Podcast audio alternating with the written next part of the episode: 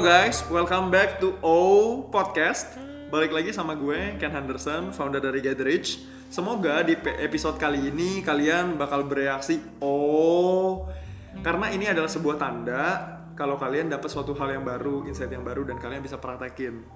Uh, welcome to episode yang kali ini. Gue bakal bahas gaya versus kaya. Jadi kalau ditanya siapa yang mau kaya, kaya boleh nggak sih? Biasanya sih semua orang pada jawab, ya dia mau kaya kan. Tapi kalau mungkin lu nggak mau kaya, lu kayak salah dengar podcast. Terus kalau soal gaya, gaya boleh nggak sih? Gaya boleh, boleh. Cuman ada syaratnya. Nah nanti di belakang gue bakal ceritain syaratnya apa aja. So let's start. Kalau lu mau jadi kaya, langkahnya tuh gimana sih? Gue bawain tiga tips. Yang pertama, lu mesti definisiin. Menurut lu, kaya itu gimana? Jadi definisiin kaya secara bener-bener jelas. Kalau lu nggak tahu seberapa jelas itu, nah ini alasan kenapa orang nggak mencapai apa yang dia mau, karena dia nggak bener-bener tahu apa yang dia mau capai. So clarity itu penting banget. Nah, eh, actually di IG gue, di IG Get Rich, komennya tuh banyak juga yang bilang kalau kaya itu perlu ibadah. Somehow gue setuju, tapi kita mesti realistis juga. Kalau cuman ibadah doang tanpa usaha, ya berkat juga bisa milih kali. Ya nggak sih? Berkat juga bisa milih orang yang mau usaha sama orang yang cuman berdoa doang. Jadi butuh dua-duanya, doa dan usaha kan. Jadi udah udah lu definisiin dan lu juga berusaha. Contohnya usaha eh contohnya definisiin tuh gimana sih? Lu harus tahu lu mau punya aset berapa, lu mau punya uang cash sebanyak apa.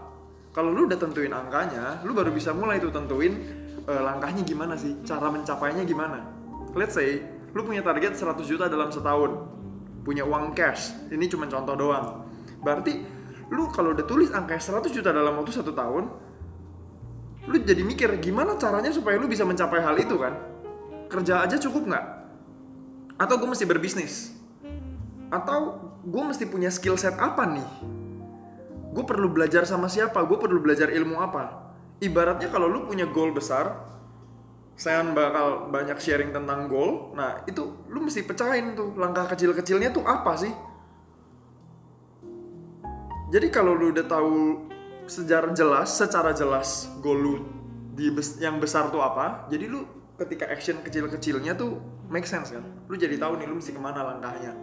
Itu yang pertama. Yang kedua, lu mesti cari high income skill lu apa. Jadi lu punya skill apa yang orang tuh bener-bener mau bayar mahal tentang hal itu. Apakah itu jadi fotografer, marketer, digital marketer misalkan, jalanin bisnis online atau jadi lawyer kayak Om Hotman kan bisa juga dan lain-lain. Nah, cara cari skill setnya gimana? Cara cari high income skill ini gimana? Yang pertama, lu cari tahu passion lu apa. Passion bisa dicari dengan cara ya ada namanya tes minat bakat, ada namanya passion test. Berikutnya, biasanya setelah lu tes itu, itu bakal muncul beberapa pilihan kan. Dari pilihan itu, lu lu lu bisa coba action. Man- Mana yang lu bakal coba nih, mana yang menurut lu sesuai, itu lu mesti tes memang, mesti cobain. Mana yang menurut lu paling cocok buat lu. Kalau lu udah ketemu mana yang paling cocok, lalu lu dalemin deh bidang ilmu passion lu itu. Lu ikut workshop, lu ikut kelas yang membahas tentang hal ini. Intinya lu perlu investasi ke otak lu supaya income high income skill ini bener-bener high income, bukan cuman sekedar income yang rata-rata. Berikutnya yang ketiga, lu mesti belajar investasi. Tapi lu mesti belajar, ya intinya lu belajar ilmunya untuk investasi. Ketika lu dapat uangnya, lu mulai action untuk investasi. Tapi sebelum sampai lu taruh uang lu ke dalam satu instrumen investasi, lu harus tahu ilmunya dulu supaya lu nggak salah ambil keputusan buat investasi. Kenapa sih mesti investasi?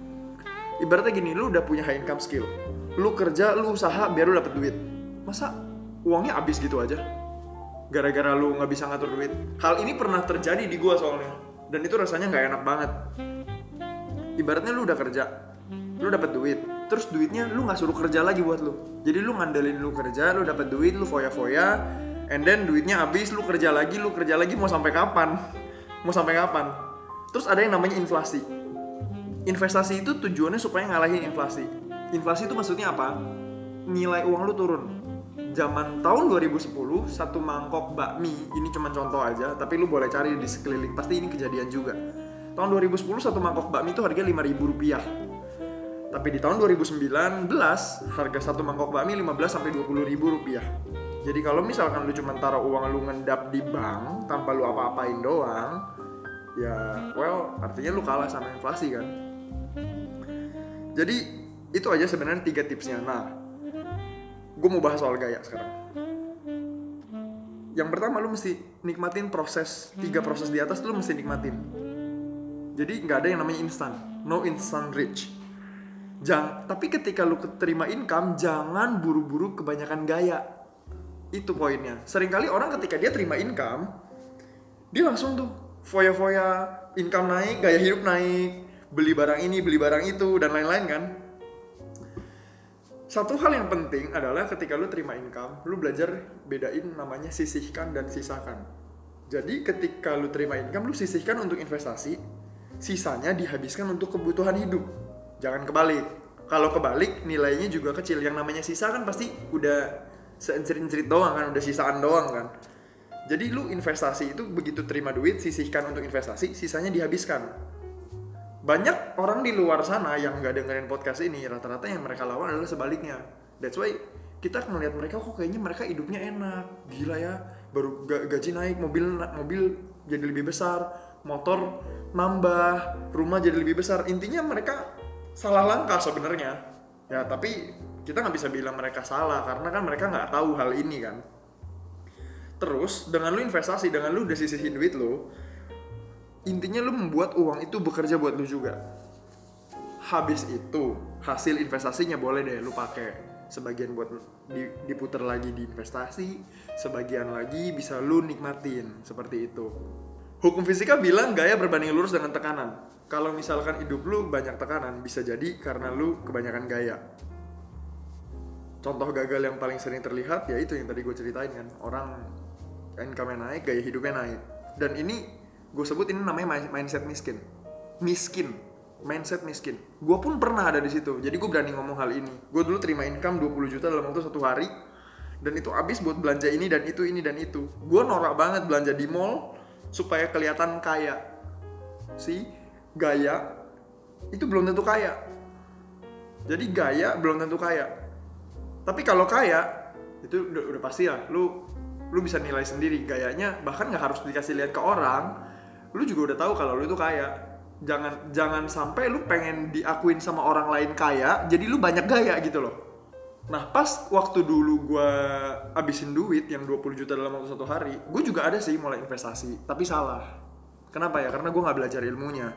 Jadi gue beli properti gue mulai action ini dan itu.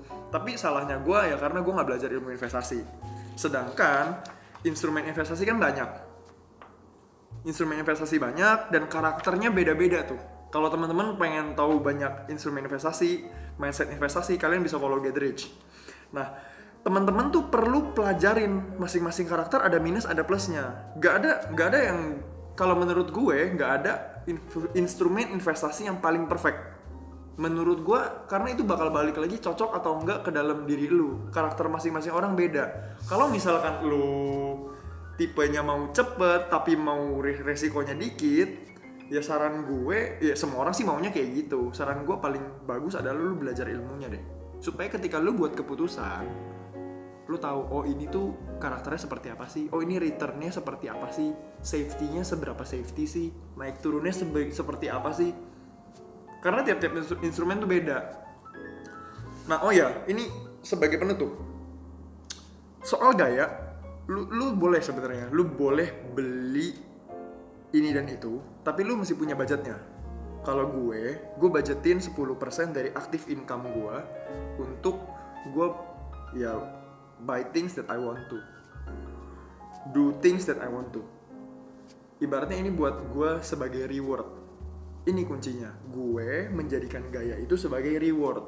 Jadi 10% budget gue memang gue habiskan untuk ini dan itu yang gue mau kalau soal duit ini sebenarnya lu cukup cukup butuh disiplin. Kalau lu disiplin bedain sisihkan dan sisakan pasti pasti dan pasti hidup lu jadi kaya lu jadi bisa bergaya. Gitu jangan sampai kebalik. Itu aja buat hari ini teman-teman semua. Dipraktekin ya. See you